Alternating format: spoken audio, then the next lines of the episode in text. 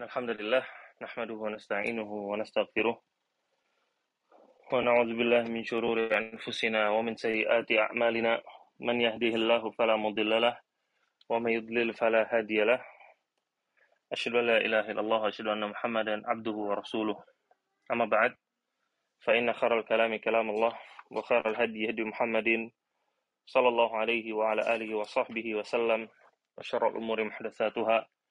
فإن كل محدثة بدعة وكل بدعة ضلالة وكل ضلالة في النار Ikhwata, para pendengar Klub 45 yang semoga selalu dirahmati oleh Allah Ta'ala. Insya Allah pada malam hari ini, kita akan melanjutkan kajian kita dari kitab Ahadithul Akhlaq, yaitu kitab tentang hadis-hadis yang berkaitan tentang masalah akhlak yang dikumpulkan oleh Syekh Profesor Dr. Abdul Razak Ibn Abdul Muhsin Al-Badr, Hafizahullah Ta'ala dan kita sudah ada di bab yang ke-18. Kita sudah ada di bab yang ke-18, yaitu bab tentang iyadatul marid, tentang menjenguk orang yang sakit. Eh, kalau sekalian, menjenguk orang sakit itu adalah di antara sunnah yang diajarkan dalam Islam. Di antara adab yang luar biasa yang selalu ditekankan oleh Nabi SAW Bahkan beliau menjelaskan bahwasanya menjenguk orang yang sakit itu salah satu hak seorang muslim. Berarti kewajiban kita untuk menjenguk saudara kita yang yang sakit. Dalam sebuah hadis Nabi SAW bersabda, Hakul muslim alal muslim sit. Atau dalam riwayat yang lain, khams. Bahwasanya hak seorang muslim kepada muslim yang lain itu ada enam. Dalam riwayat yang lain, yaitu lima. Di antara hak-hak muslim tersebut adalah wa idza marida fa'udhu. Kalau ada orang muslim yang sakit, maka dijenguk. Maka dijenguk.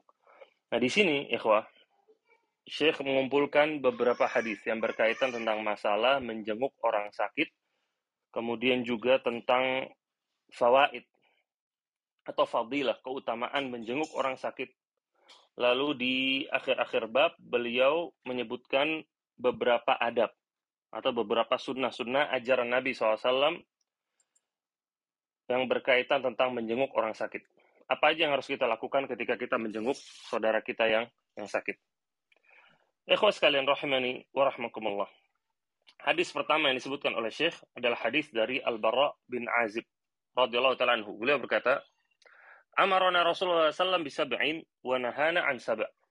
Bahwasanya Rasulullah SAW memerintahkan kami dalam tujuh perkara dan juga melarang kami pada tujuh perkara. Amarona bi'iyadatil marid wa tiba'il janazah wa tashmitil atis wa ibraril qasam wa nasril mazlum wa ijabatid da'i wa ifsya'is salam. Rasulullah SAW memerintahkan kami untuk menjenguk orang sakit untuk mengikuti jenazah. Kemudian mentashmid orang yang bersin. Itu ketika orang bersin dia berkata alhamdulillah, maka kita jawab dengan yarhamukallah. Itu namanya mentashmid namanya. Kemudian Rasul juga memerintahkan kita untuk setia kepada sumpah. Yang kelima, nasrul mazlum, yaitu menolong orang yang terzolimi. Kemudian yang keenam, mendatangi undangan. Mendatangi undangan. Kemudian yang ketujuh, wa salam. Menyebar salam. Nah, di sini ya lihat bagaimana Nabi SAW menyebutkan hal yang paling pertama yang diperintahkan adalah iyadatul marid. Yaitu menjenguk orang sakit. Kemudian Nabi melarang dari tujuh perkara. Yang mana tujuh perkara itu? Kita percepat aja di sini, yaitu menggunakan cincin emas. Kemudian meminum dari gelas yang terbuat dari perak. Kemudian menggunakan pakaian dari campuran sutra. Yang dalam bahasa Arab namanya mayasir dan juga al-qosi. Berarti sudah lima. Kemudian juga menggunakan pakaian yang terbuat dari sutra dan sejenis sutra. Atau dari jenis-jenis uh, sutra. Ada namanya harir, istabrok, dan juga dibaj. Ini dari jenis-jenis sutra. Jadi semuanya ada tujuh juga yang dilarang oleh Nabi SAW. Kemudian hadis berikutnya berkaitan tentang masalah orang sakit, menjenguk orang sakit. Dari Abu Sa'id Al-Khudri radhiyallahu taala Nabi SAW bersabda, "Udul maridha wamshu ma'a janais tuzakkirukumul akhirah." Yaitu jenguklah orang yang sakit dan berjalanlah bersama jenazah. Yaitu ikuti jenazah yang mau diantarkan ke pemakaman. Tuzakkirukumul akhirah. Maka itu akan mengingatkan kalian terhadap kehidupan akhirat. Nah, berarti ini di antara faedah dari menjenguk orang yang sakit. Berarti menjenguk orang sakit selain faedahnya buat yang sakit, faedahnya juga buat orang yang mendatangi, yang menjenguk sendiri dapat faedah.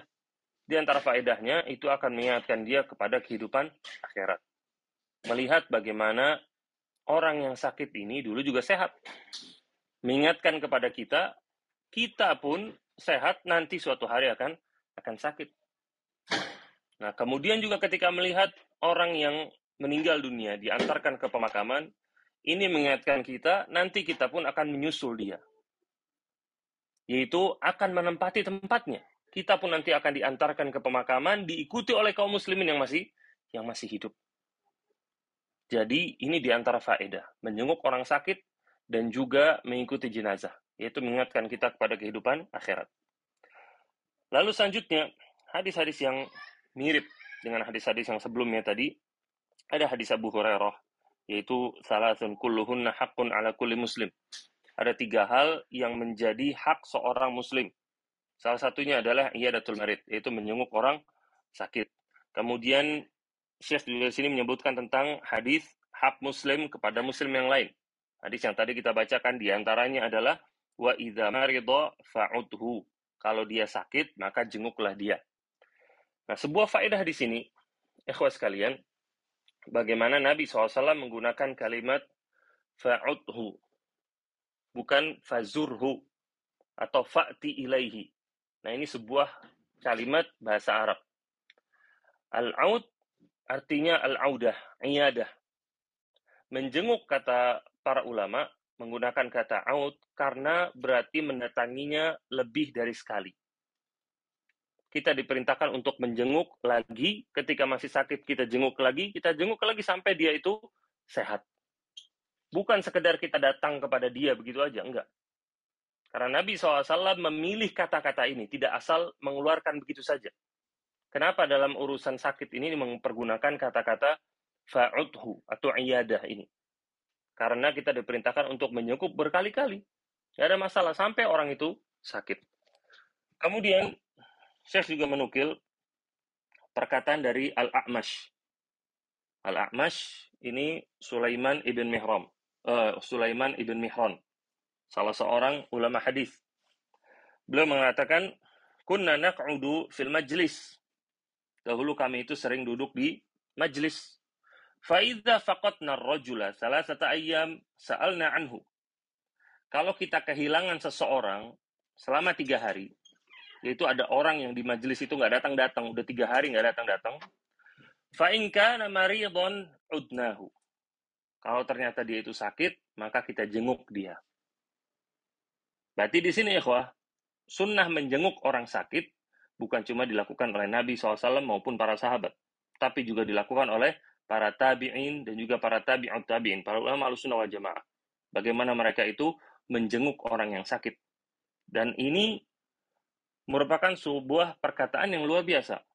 Bagaimana mereka itu memperhatikan orang-orang di sekitarnya. Memperhatikan keadaan mereka. Dan kalau antum tahu, Al-Amash ini seorang ulama hadis besar. Sulaiman ibn Mihran. Dan ini salah satu rawinya Bukhari, di Sahihul Bukhari.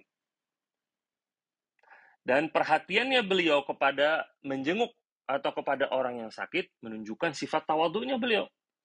Bagaimana para ulama dengan tingginya keutamaan mereka, dengan tingginya posisi mereka di tengah-tengah masyarakat, mereka masih menyempatkan waktu untuk memperhatikan orang-orang sekitarnya dan juga menjenguk orang yang yang sakit. Ini tentunya menjadi contoh dan juga teladan bagi kita semua. Lalu ikhwas sekalian, rahimani wa rahimakumullah. Di sini Syekh menyebutkan hadis-hadis yang berkaitan tentang keutamaan menjenguk orang sakit. Kalau tadi perintah menjenguk orang sakit, nah kemudian Syekh menyebutkan sekarang fadilah, keutamaan menjenguk orang yang sakit. Di antaranya dari Thauban, budaknya Rasulullah SAW. Beliau berkata, Rasulullah SAW bersabda, Man ada maridon lam yazal fi khurfatil jannah hatta yarji. Barang siapa yang menyenguk orang sakit, maka dia akan senantiasa memetik buah-buahan surga sampai dia pulang dari menyenguk. Berarti ini keutamaan. Dia seakan-akan memetik buah-buahan dari dari surga. Berarti dia mendulang pahala ketika dia menyenguk orang sakit, terhitung sampai dia itu pulang. Kemudian wa'an Ali, itu dari Ali bin Abi Thalib radhiyallahu taala anhu, beliau juga berkata, aku mendengar Rasulullah SAW bersabda, "Man ata akhahul muslim a'idan." Barang siapa yang mendatangi seorang muslim yang sakit, yaitu menjenguknya, masya fi khurafatil jannah hatta yajlis. Dia itu berjalan di tengah-tengah kebun surga, yaitu memetik buah-buahan tersebut, sampai dia itu duduk. Itu duduk di samping orang yang sakit, maksudnya. Fa'idha jalasa ghamarat hurrahmah. Ketika dia sudah duduk di samping orang yang sakit, maka dia akan dinaungi oleh rahmat Allah.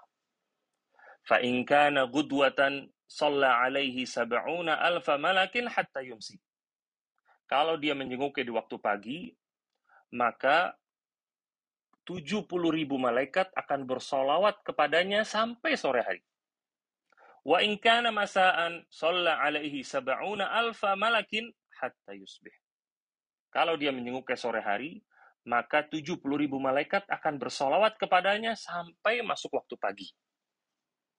Nah, ini berarti di antara keutamaan yang lain. Selain yang pertama tadi, seakan-akan dia memetik buah-buahan surga. Yang kedua, yaitu diberikan solawat. Yaitu keselamatan, doa keselamatan dari para malaikat. Kalau dari pagi dia menjenguk, berarti pagi sampai sore. Kalau sore dia menyenguk, berarti dari sore sampai sampai pagi. Dan doanya malaikat itu mustajabah. Dikarenakan di antaranya karena mereka itu adalah makhluk yang tidak pernah berdosa. Makanya doa mereka itu mustajabah Allah Ta'ala. Lalu hadis yang berikutnya berkaitan tentang keutamaan menyenguk orang sakit. Hadis dari Abu Hurairah, Rasulullah SAW bersabda, Man ada maridon, nada munadin minas sama, tibta wa taba mamsyaka wa tabawwa'ta minal jannati manzila. Barang siapa yang menjenguk orang sakit, maka akan ada suara yang memanggil dari langit. Tibta, semoga kamu beruntung. Wa taba mamsyaka, dan juga beruntung perjalanan perjalananmu untuk menjenguk orang yang sakit. Wa tabawwa'ta minal jannati manzila, dan sungguh kamu telah mempersiapkan tempatmu atau rumahmu nanti di di surga. Berarti orang menjenguk orang sakit itu didoakan keberuntungan baginya. Dan juga akan dipersiapkan rumah baginya di di surga. Dan antum perhatikan bagaimana ini pahala yang besar uh, disiapkan oleh Allah Ta'ala untuk orang yang menjenguk yang sakit. Seakan-akan perkara yang remeh, tapi ternyata agung di, di Islam keutamaannya. Lalu hadis yang berikutnya dari Ka'ab bin Malik radhiyallahu taala anhu. Beliau berkata Rasulullah SAW bersabda, Man ada maridon, khadha fil rahmah, fa idza jalasa indahu istanqa'a fiha. Barang siapa yang menyenguk orang sakit, maka dia itu telah masuk ke dalam rahmatnya Allah. Ini baru menjenguk. Faiza jalasa, kalau dia udah duduk, yaitu di samping orang yang sakit, maka dia seakan-akan sudah menceburkan dirinya dalam rahmat Allah Ta'ala. Tuh. Berarti rahmat Allah itu dipersiapkan bagi orang-orang yang memberikan rahmat kepada orang lain. Karena menyungguh orang sakit itu merupakan bentuk rahmat yang kita berikan. Kita ingat bagaimana Nabi SAW bersabda, Irhamu man fil ardi, yarhamkum man fis sama. Sayangilah apa-apa yang di bumi, maka akan menyayangi kalian zat yang ada di langit. Itu berikanlah rahmat, kasih sayangmu kepada yang di bumi. Maka yang di langit juga akan memberikan rahmat kepadamu. Di antara bentuk memberikan rahmat kepada yang di bumi, itu dengan menjenguk mereka. maka Allah pun akan memberikan rahmatnya. Nah, hadis-hadis yang semisal ini uh, banyak. Kemudian juga hadis yang terakhir mungkin tentang keutamaannya. Dari Harun ibn Abi Dawud, beliau berkata, Ataitu Anas bin Malik. Harun mengatakan, aku datang ke Anas bin Malik. Lalu aku berkata, Ya Aba Hamzah, innal makana ba'id wa nahnu yu'jibuna an na'udak. Dia mengatakan, jadi Anas waktu itu sedang sakit. Harun ini datang menjenguk Anas. Kemudian Harun mengatakan, Ya Aba Hamzah, bahwasanya tempat menjengukmu ini jauh. Wa nahnu yu'jibuna an na'udaka, tapi kami tetap mau menjengukmu. Walaupun tempatmu itu jauh. Farofa'a ra'sahu. Maka Anas pun mengangkat kepalanya. Karena lagi sakit. Lagi rebahan kan. Mengangkat kepalanya. Kemudian dia berkata, Aku mendengar Rasulullah SAW bersabda, Ayyuma rojulin ya'udu maridon siapa pun orang yang menjenguk orang yang sakit fa innama yakhudu fir rahmah. Sesungguhnya dia itu telah masuk ke dalam rahmat Allah. Fa iza qa'ada 'indal maridi ghamarathu rahmah. Kemudian ketika dia duduk di samping orang yang sakit maka dia itu seakan-akan telah diliputi oleh semua rahmat Allah. Qal faqultu ya Rasulullah hadza lis-sahih alladhi ya'udul marid fal maridu malahu Kemudian Anas dalam hadis ini mengatakan, saya bertanya kepada Rasulullah, Wahai Rasulullah, itu keutamaan untuk orang yang sehat yang menjenguk orang sakit. Dia akan dikelilingi oleh rahmat Allah. Lalu orang yang sakit dapat apa? Kata Anas. Qal tuhattu anhu zunubuh. Dosa-dosanya akan diangkat. Nah, dosa-dosanya akan diangkat. Itu ke, uh, keutamaan buat orang yang sakit. Jadi orang yang sakit, ikhwas sekalian, itu seperti kondisi semua orang yang terkena musibah. Ketika dia bisa bersabar atas musibah, atas bencana, atas penyakit yang ditimpakan kepadanya, maka dosa-dosanya akan diampuni dan juga dia mendapatkan potensi derajatnya pun akan diangkat oleh Allah Ta'ala. Dalam sebuah hadis Nabi SAW mengatakan, Inna Allah idha ahabba qawman ibtalahu. Bahwasanya Allah kalau mencintai sebuah kaum, maka Allah akan menguji mereka. Entah dengan musibah, entah dengan penyakit, entah dengan bencana, dan lain-lain. Fa'in rodiya, rodiya. Kalau ternyata yang diuji itu ridho dengan keputusan Allah, dengan bencana musibah tersebut, maka Allah pun akan ridho kepada dia. Wa in sakhita, sakhit. Kalau ternyata dia murka, dia nggak terima dengan bencana, dengan musibah yang ditimpakan kepadanya, maka Allah pun akan murka kepadanya. Allah pun akan akan murka kepadanya. Jadi, bagi orang yang sakit, tertimpa musibah, bencana, punya problem besar, maka hendaknya bersabar. Karena dihapusnya dosa orang yang uh, ditimpakan musibah, ditimpa cobaan, itu terkait dengan kesabaran yang dia miliki. Kalau dia nggak memiliki kesabaran, maka dia bakal udah jatuh ketimpa tangga. Maksudnya dia udah kena musibah, dosanya pun nggak diampuni. Makanya ketika seorang tertimpa musibah, maka ridho dengan takdir Allah Ta'ala. Dengan itu, musibahnya itu akan menjadi baik hasilnya. Nah, ikhwas sekalian, rahimani wa rahmakumullah. Kemudian Syekh menyebutkan sebuah hadis qudsi.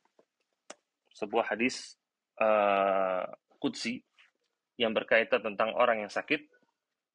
Mungkin kita lewat aja ini. Kita langsung masuk ke sunnah fil iyadah. Yaitu tentang ajaran-ajaran Nabi ketika menjenguk orang sakit. Ketika menjenguk orang yang sakit. Paling tidak Syekh menyebutkan ada lima sunnah yang bisa dilakukan ketika kita menjenguk orang sakit. Yang pertama, kata Syekh, yustahabbu inda iyadatil marid ad-dunuwu minhu wal julusu inda ra'si. Dianjurkan ketika menjenguk orang sakit untuk mendekat kepadanya dan duduk di samping kepalanya. Duduk di samping kepalanya. Jadi ketika kita datang menjenguk orang, kita mendekat Jangan duduk di pojokan. Tapi kita mendekat, duduk di samping kepalanya. Di antara dalilnya, hadis Ibn Abbas, beliau berkata, karena Nabi SAW idha adal maril jalasa inda ro'sihi. Dahulu Nabi SAW kalau menyenguk orang sakit, beliau duduk di samping kepalanya. Summa qala sab'a mirarin. Kemudian beliau berkata tujuh kali, As'alullah al-azim, Rabbal arshil azim, an yashfiq. Aku meminta Allah yang azim, pemilik aras yang azim, yang besar, untuk menyembuhkanmu. Jadi ini di antara doa kepada orang yang sakit. Dan ini diucapkan oleh Nabi tujuh kali. Tujuh kali diucapkan oleh Nabi di samping kepala orang yang sakit. Kemudian hadis yang berikutnya juga dari Anas. Beliau berkata, Karena gulamun Yahudi, yakhdumun Nabi SAW famarid. Dahulu ada seorang anak kecil Yahudi dia itu dulu melayani Nabi SAW, lalu dia sakit. Kemudian Nabi menjenguknya. Kemudian beliau duduk di samping kepalanya. Lalu Nabi berkata kepadanya, Aslim, masuk Islam. Fanadhara ila abihi. Maka anak kecil itu pun noleh ke bapaknya. Bapaknya ada di situ saat itu. Faqala lahu ati Abul Qasim. Lalu bapaknya bilang, taati, itu Abul Qasim yaitu Nabi Muhammad SAW. Fa'aslama. Maka anak kecil itu pun masuk Islam. Fakharajan Nabi SAW wa huwa yaqul alhamdulillahilladzi anqadhahu minan nar. Kemudian Nabi SAW keluar dari rumahnya sambil berkata, Alhamdulillah, segala puji bagi Allah yang telah menyelamatkan anak tersebut dari neraka. Nah, dia sudah masuk Islam. Nah, intinya di sini adalah bagaimana Nabi SAW duduk di samping kepalanya. Kemudian Syekh menyebutkan, kemudian Syekh menyebutkan beberapa faedah dari duduk di samping kepala orang yang sakit ketika menjenguknya. Di antaranya, annal a'id idza kana 'inda ra'sil marid fahada aisar lil marid 'inda muhadatsatihi. Nah, ini penting. Yang pertama, kalau orang yang menjenguk itu duduk di samping kepala orang yang sakit, itu memudahkan bagi yang sakit untuk berbicara, untuk ngobrol. Beda dengan kalau menjeng, orang yang menjenguk duduknya jauh. Nah kan kita paham, namanya orang sakit kadang lemes, capek, nggak bisa ngomong kencang-kencang, nggak bisa.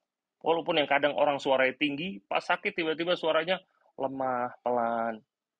Ketika kita duduk atau berada di dekat kepalanya, itu memudahkan dia untuk ngobrol. Jadi ini di antara ajaran yang diajarkan Nabi SAW. Ini luar biasa sekali. Kemudian juga di antara faedahnya, anna hadza aktsar mu'anasatan lil marid. Itu lebih menampakkan kedekatan dengan orang yang sakit. Itu akan membesarkan hati dia.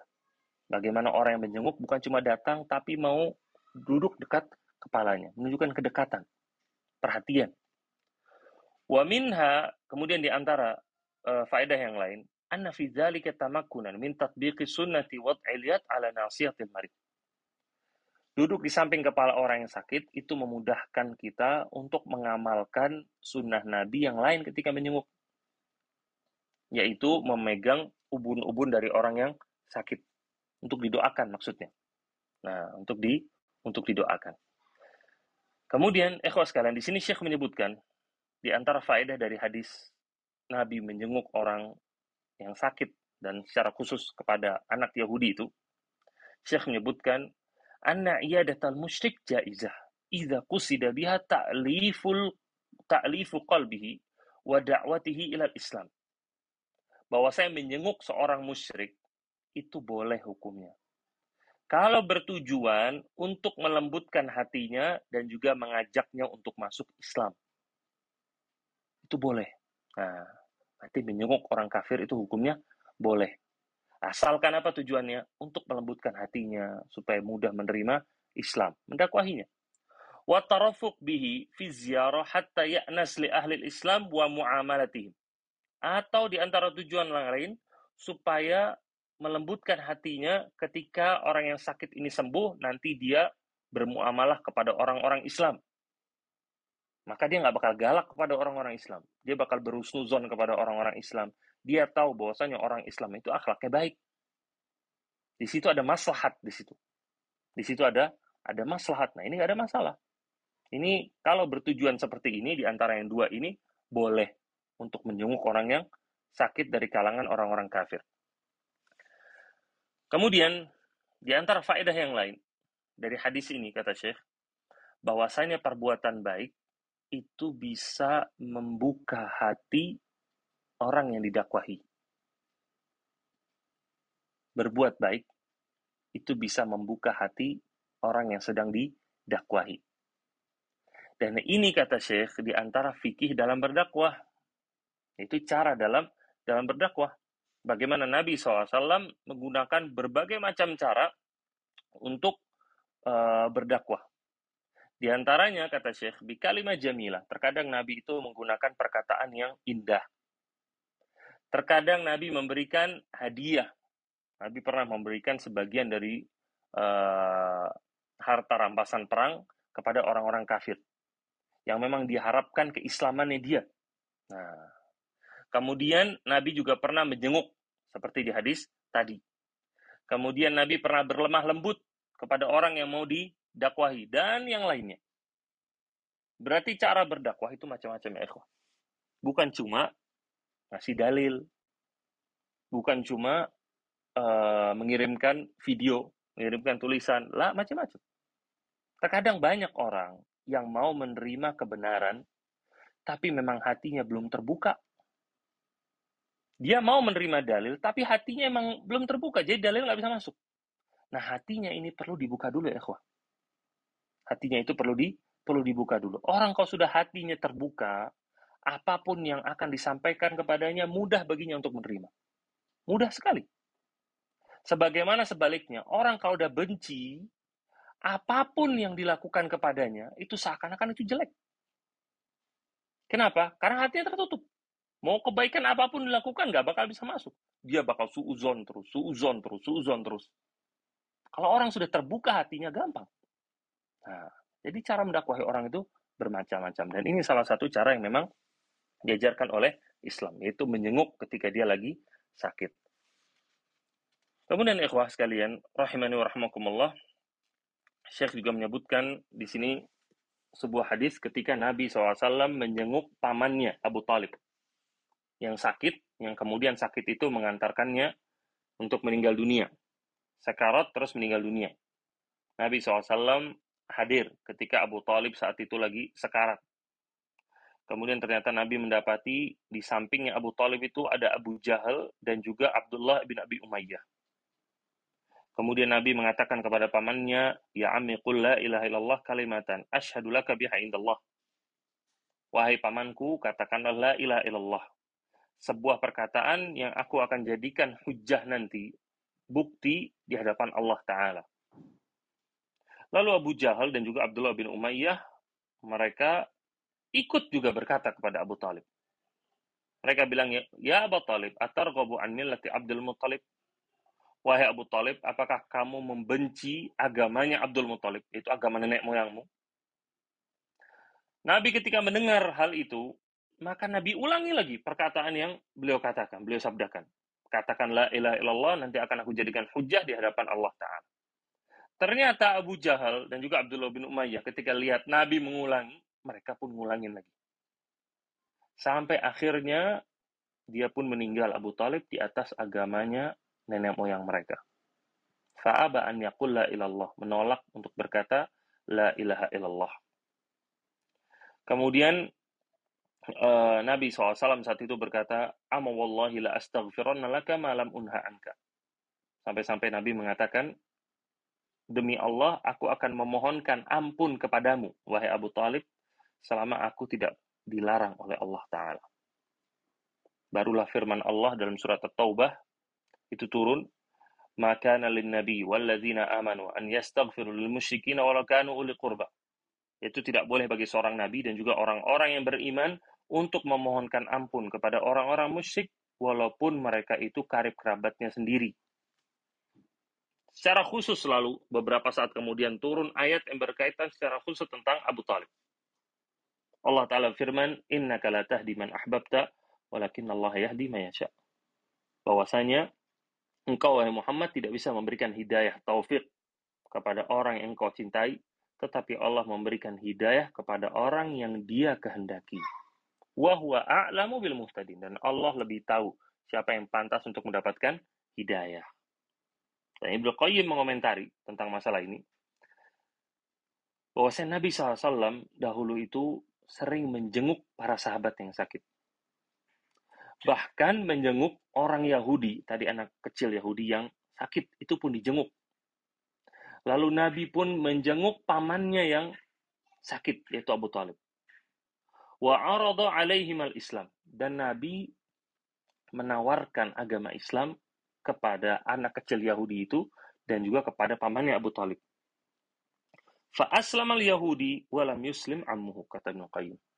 Dan ternyata anak Yahudi itu menerima Islam, sedangkan pamannya tidak. Dan itu adalah kehendak dari dari Allah Ta'ala. Kemudian hal yang kedua, ikhwas sekalian, rahimani wa para pendengar kelas 45. Di antara sunnah menjenguk orang yang sakit. Yaitu kata Syekh, an yadnu an yadnuwa minal maridi wa yas'aluhu an halihi.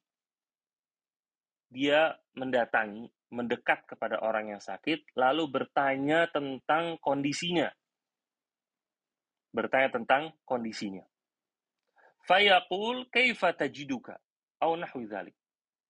Itu seperti dia berkata, bagaimana penyakitmu sekarang? Atau bagaimana kabarmu? Atau yang semisalnya, kata Syekh. Dan ini dicontohkan oleh Nabi SAW. Dari Anas beliau mengatakan bahwa saya Nabi SAW pernah menjenguk seorang pemuda yang saat itu dia uh, fil maut, yaitu ketika dia itu sedang sekarat, sakitnya parah. Lalu Nabi berkata kepadanya, "Kaifa tajiduk?" Bagaimana kondisimu? Apa yang kamu rasakan? Qa wallahi ya Rasulullah inni arjullah wa inni akhafu zunubi. Lalu dia mengatakan, demi Allah ya Rasulullah, aku benar-benar berharap kepada Allah dan aku takut terhadap dosa-dosaku.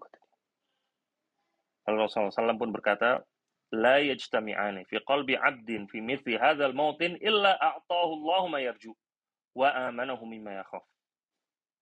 Nabi mengatakan tidaklah berkumpul dalam hati seorang hamba dalam kondisi seperti ini yaitu kondisi sakit kecuali Allah pasti akan memberikan apa yang diharapkan dan juga akan memberikan keamanan dari apa yang dia takutkan. Tuh berarti menunjukkan dari hadis ini kata para ulama bagaimana doanya orang yang sakit itu mustajab. Doa orang yang sakit itu mustajab indallahi taala. Makanya orang yang sakit itu selalu diperintahkan untuk husnuzon kepada Allah dan juga memperbanyak doa. Bagaimana Nabi di sini menyebutkan tidak akan berkumpul dalam hati seorang hamba dalam kondisi sakitnya yaitu rasa berharap kepada Allah dan juga rasa takut akan dosa kecuali Allah akan berikan apa yang diharapkan dan Allah akan berikan keamanan atas apa yang dia khawatirkan atau dia takutkan. Lalu selanjutnya di antara hadis yang lain berkaitan tentang masalah sunnah ini juga ada dari Mahmud bin Labid. Beliau mengatakan ketika Akhal saat usiba Akhal Sa'ad yaumal khandaq fasakul. Ada seorang sahabat namanya Akhal Sa'ad. Dia itu sakit gara-gara perang Khandaq saat itu. Maka Akhal ini dibawa ke seorang wanita yang dia ini perawat. Yuqalu laha Rufaidah. Wanita ini namanya Rufaidah. Wa kana tudawil jarha. Dan Rufaidah ini uh, merawat orang-orang yang sakit dari korban perang saat itu. Fakana Nabi SAW idza marra bihi yaqul kaifa amsait. Dan Nabi SAW dahulu ketika lewat ini di campnya orang-orang yang sakit ini dan secara khusus uh, akhal saat maka Nabi SAW mengatakan kaifa amsaita. Bagaimana soremu? Nah, mungkin bahasa Indonesia gitu. Bagaimana keadaanmu? Wa idza asbaha, kalau di pagi hari Nabi mengatakan lagi kaifa asbahta. Bagaimana pagimu? Nah, bagaimana keadaanmu? biru lalu dikabarin sama dia. Dikabarin. Nah, ini hal yang penting, ikhwah. Kenapa hal yang penting? Ini menunjukkan bagaimana perhatian seorang muslim kepada orang yang sakit. Kita ketika sakit aja mau rasanya diperhatiin sama orang lain. Dan terkadang orang yang ada seorang yang benar-benar dia itu seakan-akan hebat, tangguh. Tapi ketika sakit itu seakan-akan manja, mau diperhatiin sama orang, mau dikasih hadiah, mau disuapin, mau dibawain minum, itu membuat hatinya jadi jadi terbuka. Nah, ini hal yang penting. Kita untuk idkhal surur. Memasukkan kesenangan, kebahagiaan kepada orang yang sakit. Menunjukkan perhatian kita kepada mereka, itu akan membesarkan hati mereka. Nabi SAW lewat, dan ini bukan sekedar basa-basi namanya. Bagaimana sebagian orang itu nggak mau basa-basi. Dan ini yang dilakukan oleh Nabi SAW. Dan ini bukan sekedar basa-basi, tapi perhatian beliau. Perhatian beliau Sallallahu Alaihi Wasallam.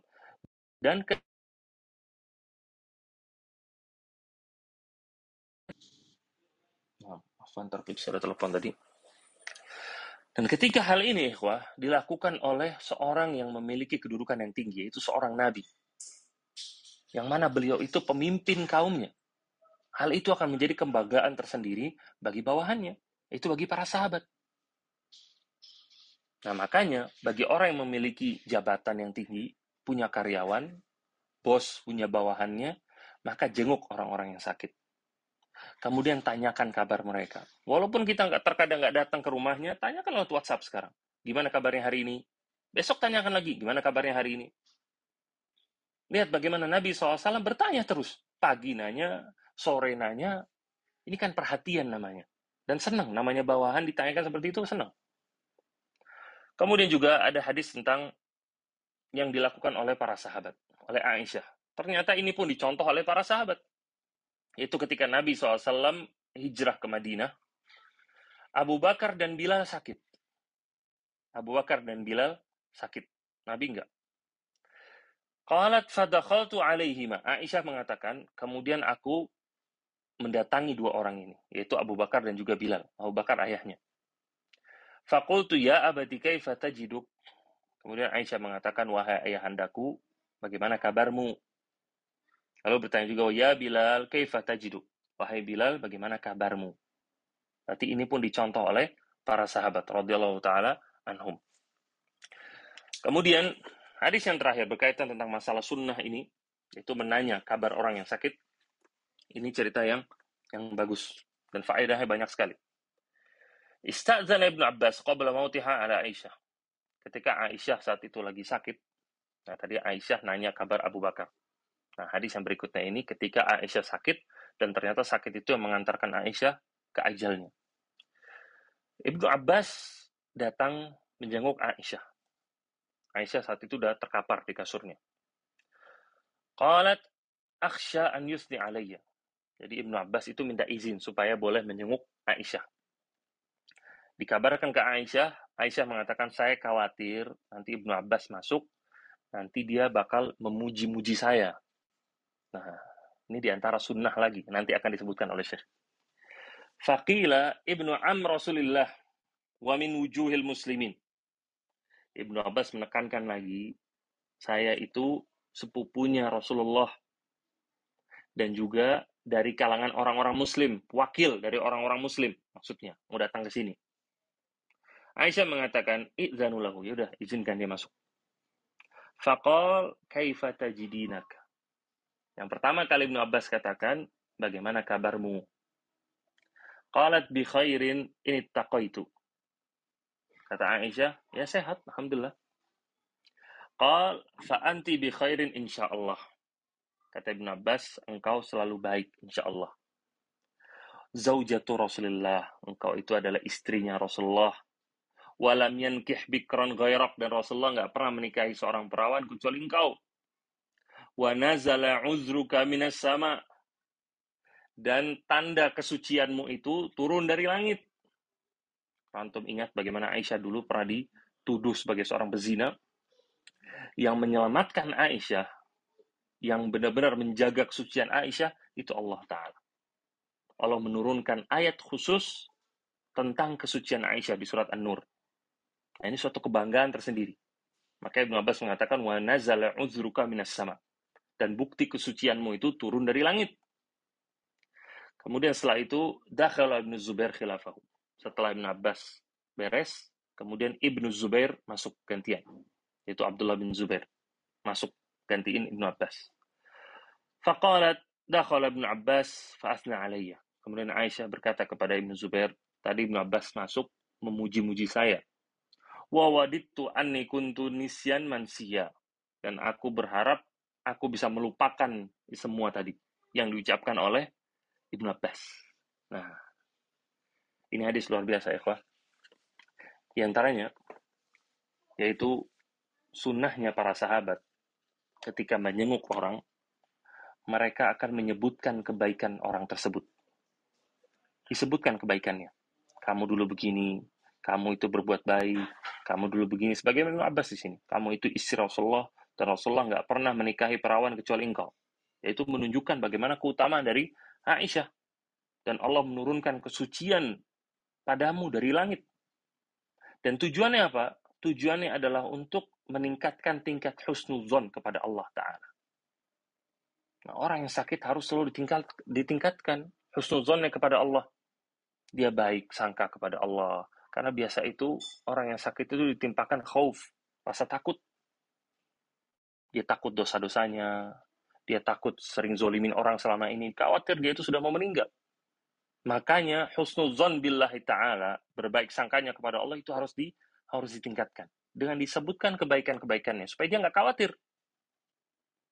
Dan belum cukup di sini aja, lihat bagaimana responnya dari Aisyah radhiyallahu taala Aisyah nggak mau dipuji.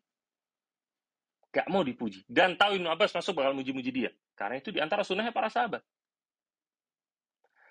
Nah, ini namanya tawadu, rendah hatinya Aisyah radhiyallahu. Beliau nggak mau dipuji.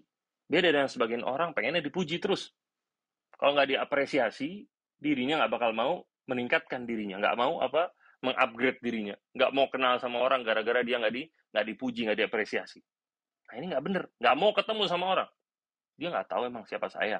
Nah, dia emang nggak nanya sama orang, saya ini apa yang udah saya lakukan. Nah seperti itu nggak boleh. Orang nggak boleh gila sama sama pujian. Lihat bagaimana Aisyah. Aisyah itu benar-benar jasanya, perannya kepada Islam itu besar.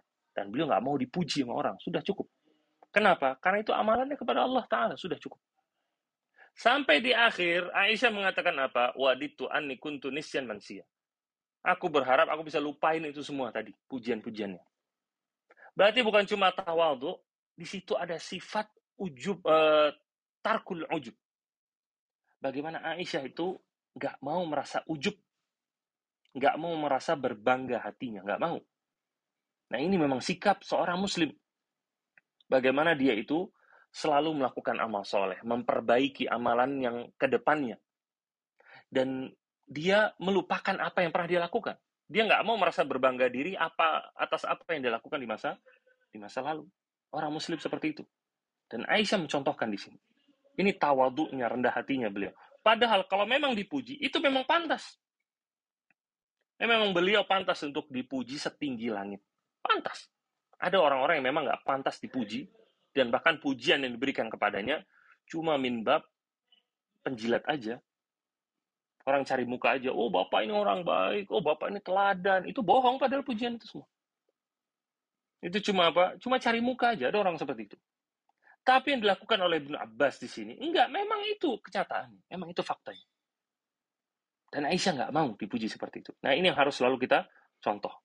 Jangan kita itu gila sama pujian, gila sama uh, apa namanya pengen apresiasi dari dari orang. Tapi selalu niatkan apa apa yang kita lakukan untuk Allah taala. Nggak perlu kita harapkan dari dari manusia. Kemudian ikhwas kalian yang ketiga di antara sunnah dalam menyunguk orang sakit. Syekh katakan di sini wa yuhsanu inda iyadatil marid tadhkiruhu bima fil amradi min takfir dan dianjurkan ketika menyunguk orang sakit mengingatkan kepadanya tentang penghapusan dosa yang dia lakukan ketika sakit.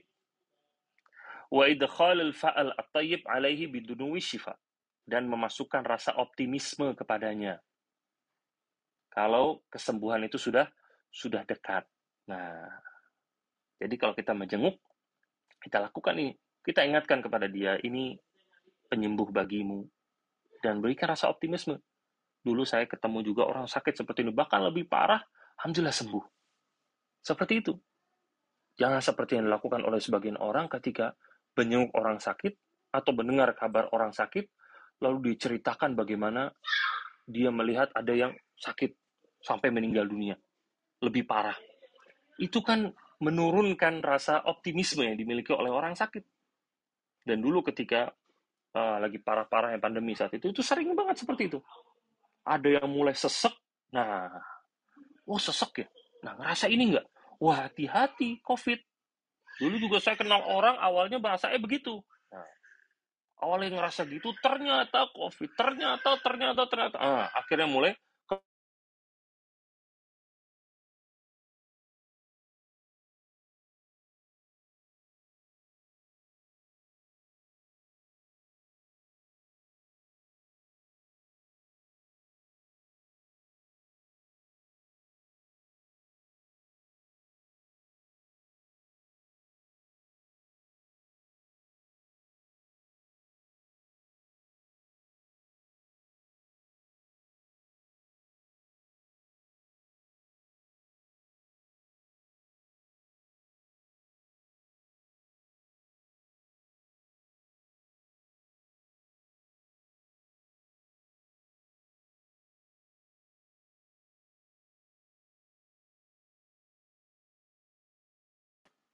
anggap saya penyakit ini kecil, nggak laba, nggak apa-apa ini. Nah, seperti itu. Kita menyangka, udah nggak apa-apa, wah penyakit itu cuma gitu doang kok. Sebentar juga sembuh, insya Allah. Nah, itu yang harus kita lakukan. Memasukkan rasa optimisme kepada orang yang sakit. Kemudian yang keempat, dalam menyungguh orang sakit. An yadha al-a'id yadahu ala jabhatil marid au ala yadihi. Hendaknya orang yang menjenguk meletakkan tangannya di kening orang yang sakit atau di tangan orang yang sakit. Di sini di antara contohnya, ketika saat Ibn Abi Waqqas sakit saat itu. Beliau mengatakan, Tasyakka itu bimak kata syakwan syadidan, kata saat bin Abi Waqqas. Saat itu aku di Mekah, aku lagi sakit parah. Lalu Nabi SAW datang menjengukku. Fakultu, maka aku mengatakan, Wahai Nabi Allah, ini atruk malan. Wahai Nabi Allah, aku punya harta banyak. Dan aku tidak meninggalkan kecuali hanya satu orang putri. Fa'usi bisulusai mali wa atrukus. Maka aku mau mewasiatkan sepertiga dari hartaku. Lalu Nabi mengatakan, la, tidak, jangan. Lalu saat mengatakan lagi, ya udah setengahnya, kalau nggak sepertiga. Qala, Nabi mengatakan tidak, nggak boleh setengah. Qultu fa'usi bisulus. Wa atruk lahat sulusain.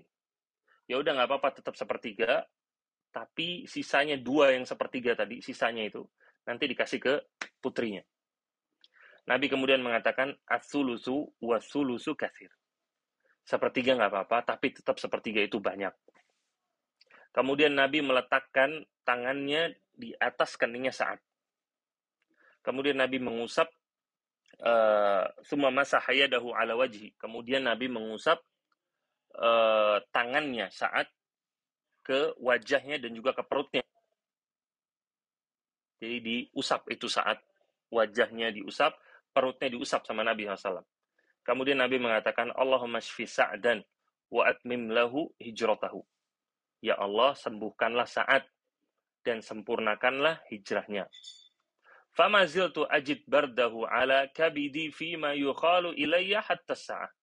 Dan kata saat aku masih merasakan dinginnya tangan Rasulullah SAW itu di atas hatiku, ulu hatiku, sampai satu jam. Itu, itu karena doanya Nabi Shallallahu Alaihi Wasallam. Dan ternyata ikhwas kalian, rasa sakit yang dirasakan oleh saat ini, seakan-akan beliau mau meninggal, makanya udah mau berwasiat harta, ternyata saat sembuh ternyata saat sembuh. Dan beliau tidak meninggal kecuali kurang lebih 30 tahun kemudian. Ternyata saat saat sembuh. Ya. Kemudian yang terakhir, ikhwah, berkaitan tentang menziarahi orang yang sakit.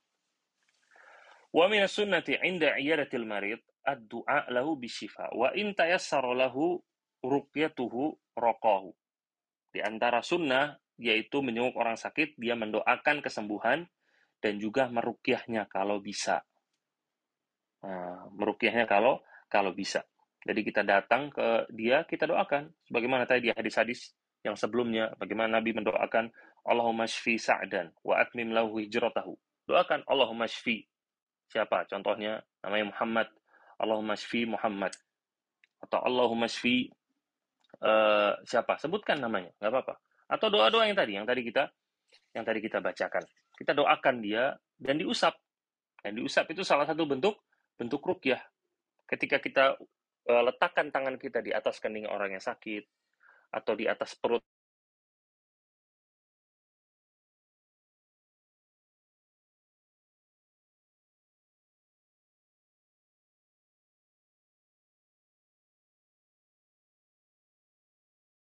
yang terakhir ketika yang menjenguk banyak ketika yang menjenguk orang yang sakit itu banyak maka tentu yang duduk di samping kepalanya nggak bisa banyak-banyak. Tadi kita kembali ke masalah duduk di samping kepala orang yang sakit. Terkadang namanya kita ngejenguk sama teman-teman, eh mau jenguk Fulan nggak? Ini Fulan lagi sakit. Datang kita berlima, berenam. Di antara sunnah, kita itu ketika menjenguk, jangan rame-rame. Karena khawatir mengganggu yang lagi istirahat, karena rame kan kondisinya. Dan juga ketika kita masuk, kita duduk samping kepalanya, nggak perlu semuanya ganti-gantian duduk samping kepalanya, nggak perlu. Dan itu keutamaan buat orang yang bisa duduk samping kepalanya, dia utamakan yang paling mengerti tentang sunnah. Yang memang dia mengerti untuk mendoakan, dia mengerti untuk melakukan rukyah-rukyah yang ringan, dia mengerti untuk memasukkan optimisme kepada orang yang sakit, maka utamakan dia yang duduk di samping kepala orang yang sakit. Supaya dia uh, melakukan rukyah di situ, mengusap di situ, lalu menasehati orangnya. Adapun yang lain maka cukup cukup dari sekitar orang itu aja. Nggak perlu berganti-gantian duduk di samping orang yang sakit. Kemudian juga jangan terlalu lama dalam menjenguk. Naam, iya, sebagaimana Nabi SAW katakan tadi, orang yang menjenguk orang yang sakit, maka dia itu seakan-akan sedang memetik buah-buahan surga sampai dia itu pergi. Dan bukan berarti dia kemudian berlama-lama karena di situ ada keutamaan memetik buah surga tidak. Karena dikhawatirkan itu bisa malah mengganggu istirahat orang yang sakit. Makanya jangan terlalu lama supaya dia bisa istirahat. Anak pernah uh, datang jenguk orang yang sakit saat itu. Anak datang cuma sebentar, anak pergi. Ternyata semua ikhwan datang. Ganti lagi, ganti lagi, ganti lagi. Terus berjam-jam ternyata. Jadi yang sakit itu nggak bisa istirahat. Makanya harus di harus di manage harus di manage waktunya dan orang yang mengurus yang sakit itu itu harus bisa menyampaikan kepada yang mau menjenguk. Disampaikan kepada mereka ini dari tadi banyak yang datang. Dari tadi banyak yang datang tolong mungkin dikasih waktu istirahat buat orang yang sakit. Kesian dari tadi pada datang dia nggak bisa istirahat. Itu disampaikan kepada uh, yang menjenguk. Insya Allah menjenguk bisa bisa paham. Nah walau alam sampai di sini kajian kita Anak kembalikan ke host. Tafadol. Allah barik fiik Ustaz Jazakumullah khairan atas ilmu yang telah Antum sampaikan dan Masya Allah ternyata bagaimana Islam sangat mengatur semua sisi bahkan dari sisi menjenguk orang yang sakit keutamaannya bisa dirasakan oleh kedua belah pihak baik yang menjenguk maupun yang dijenguk dan teman-teman sekalian yang kami cintai karena Allah kita masuk ke sesi tanya jawab kita punya waktu kurang lebih 5-6 menit untuk soal jawab. Anda coba untuk atur. Ya. Baik, Pak. Untuk bertanya dan padat ya. Ya, Alhamdulillah. Syukron Bang Zul. Bismillah. Assalamualaikum warahmatullahi wabarakatuh Ustaz. Semoga Ustadz pengarang kitab kita semua dan kaum muslimin diberikan kebaikan dan keselamatan di dunia dan di akhirat. Amin. Ustadz, tadi yang dijelaskan eh, penjelasan Ustadz ada beberapa eh, cara merukiah eh, orang lain begitu. Jadi orang yang menjenguk merukiah orang yang sakit dengan doa, doa dan mengusap. Nah, pertanyaan Ana adalah bagaimana cara kita merukiah diri sendiri yang sedang sakit, Ustadz? Apakah hampir sama dengan doa-doanya atau bagaimana Ustadz yang sesuai dengan sunnah? Syukron Ustadz. Jazakumullah khairan barakallahu fikum. Nah, wayakum. Cara untuk merukyah bermacam-macam, seperti yang dicontohkan oleh Nabi SAW. Jadi kalau kita buka hadis-hadisnya, berkaitan tentang bagaimana Nabi SAW mendatangi orang yang sakit, kemudian merukyah mereka, ternyata kita dapati Nabi merukyahnya dengan cara yang bermacam-macam. Yang mungkin nggak bisa kita bongkar di sini semuanya. Yang intinya secara garis besar caranya sama. Di antara tadi adalah dengan mengusap. Mengusap uh, diletakkan di tempat yang sakit, kemudian didoakan.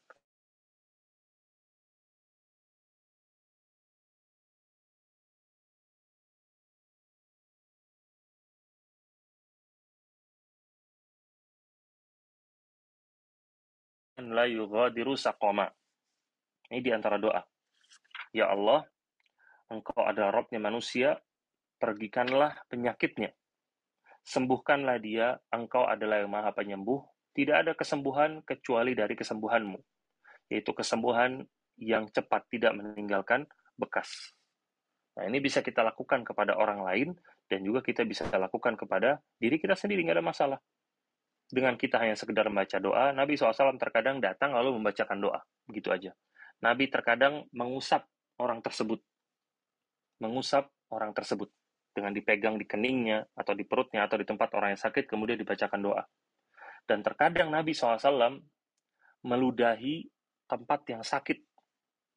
Terkadang Nabi SAW meludahi tempat yang sakit. Diludahi oleh beliau kemudian didoakan.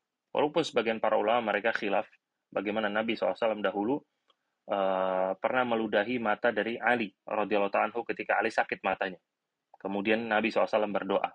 Para ulama mereka sebagian kecil berbeda pendapat apakah ini termasuk kekhususan Nabi SAW atau memang salah satu cara merukyah yang bisa dilakukan oleh semua orang. Dan yang rajih, walau a'lam, itu bisa dilakukan oleh semua orang.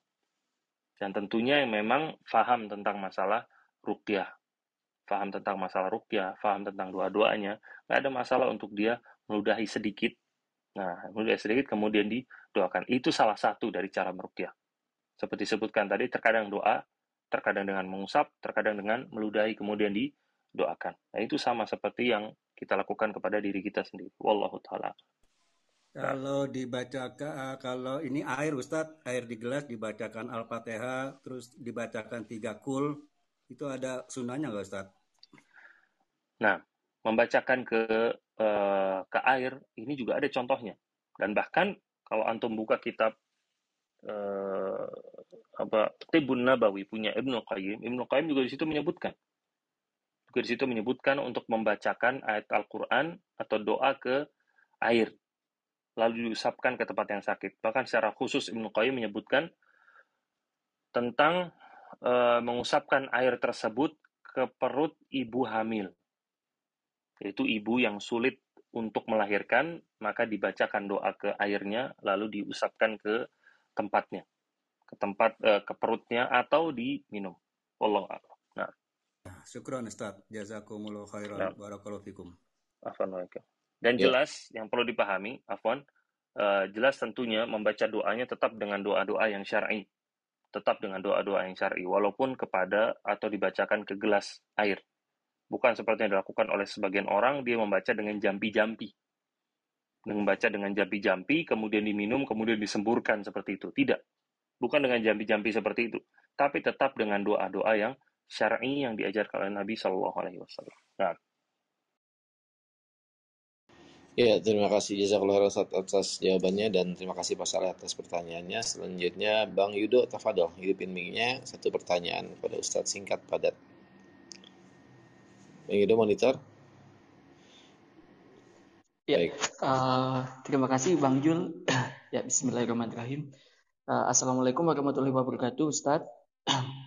Semoga Ustadz Abu uh, Fatega dan kita semua yang hadir di uh, di majelis talim ini uh, mendapat perlindungan dari Allah Subhanahu Wa Taala.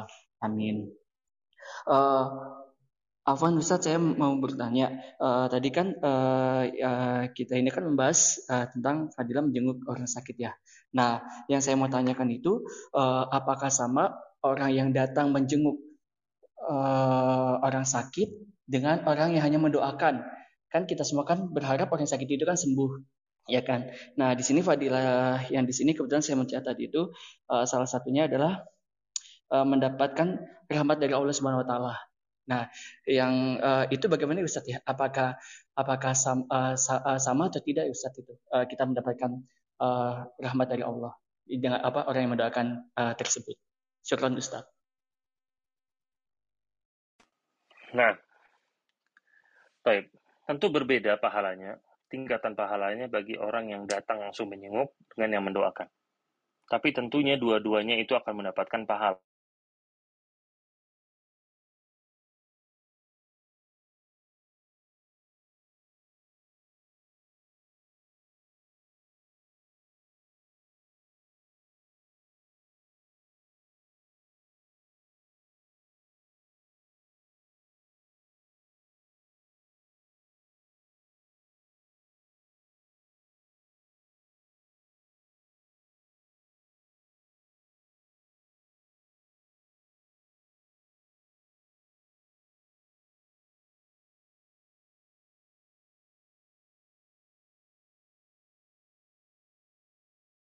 Berbeda. Wallahu a'lam.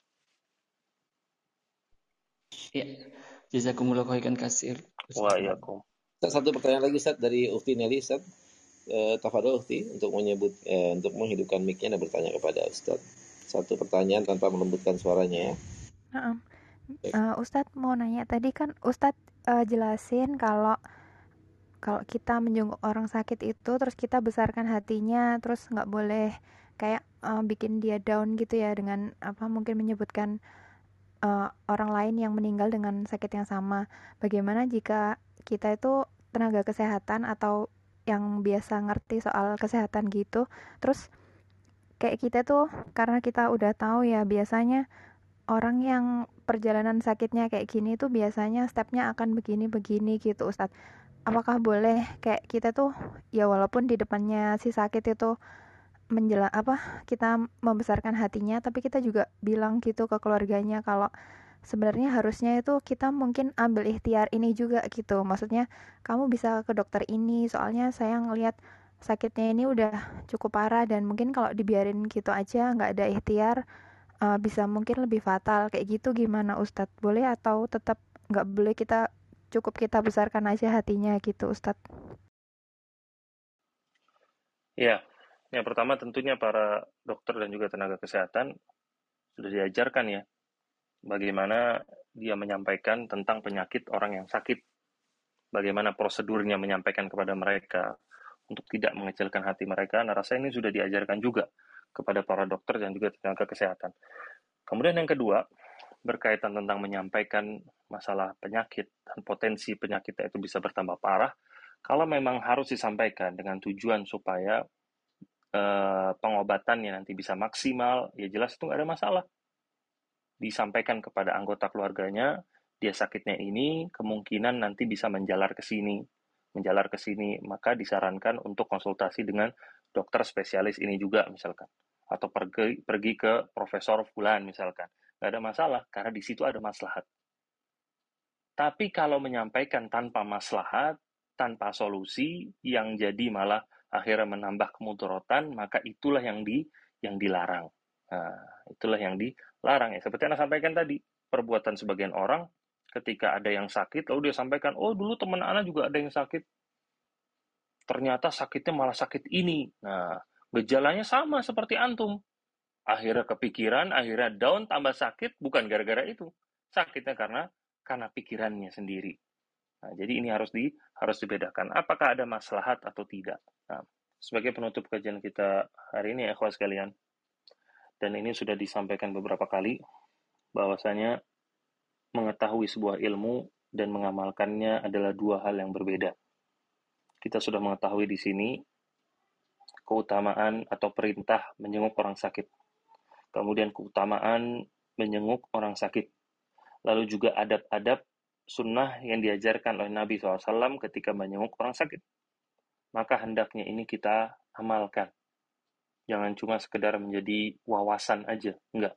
Tapi kita amalkan karena ada perintah di sini.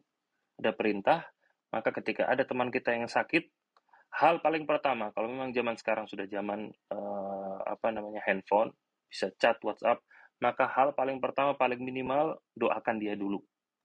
Doakan dia di uh, japri dia, doakan kesehatan baginya. Syafaqallah, Allah yashfik, dan atau semoga Allah Ta'ala menyembuhkanmu, dan lain-lain. Jangan lakukan seperti sebagian orang yang di grup. Dikabarkan ini ada yang sakit. Kemudian satu mendoakan, sisanya di bawahnya copy paste semuanya. Seakan-akan dia itu nulis cuma menggugurkan kewajiban aja, atau memang menggugurkan ya kewajiban dia sebagai anggota grup. Nah ini jangan dilakukan. Hendaknya kita itu mendoakan lillahi ta'ala. Kita DM dia, kita japri dia, doakan kesembuhan bagi bagi dirinya. Kemudian juga setelah itu kita jenguk dia. Karena itu tadi paling minimal kita mendoakan dia lewat lewat chat atau kita telepon.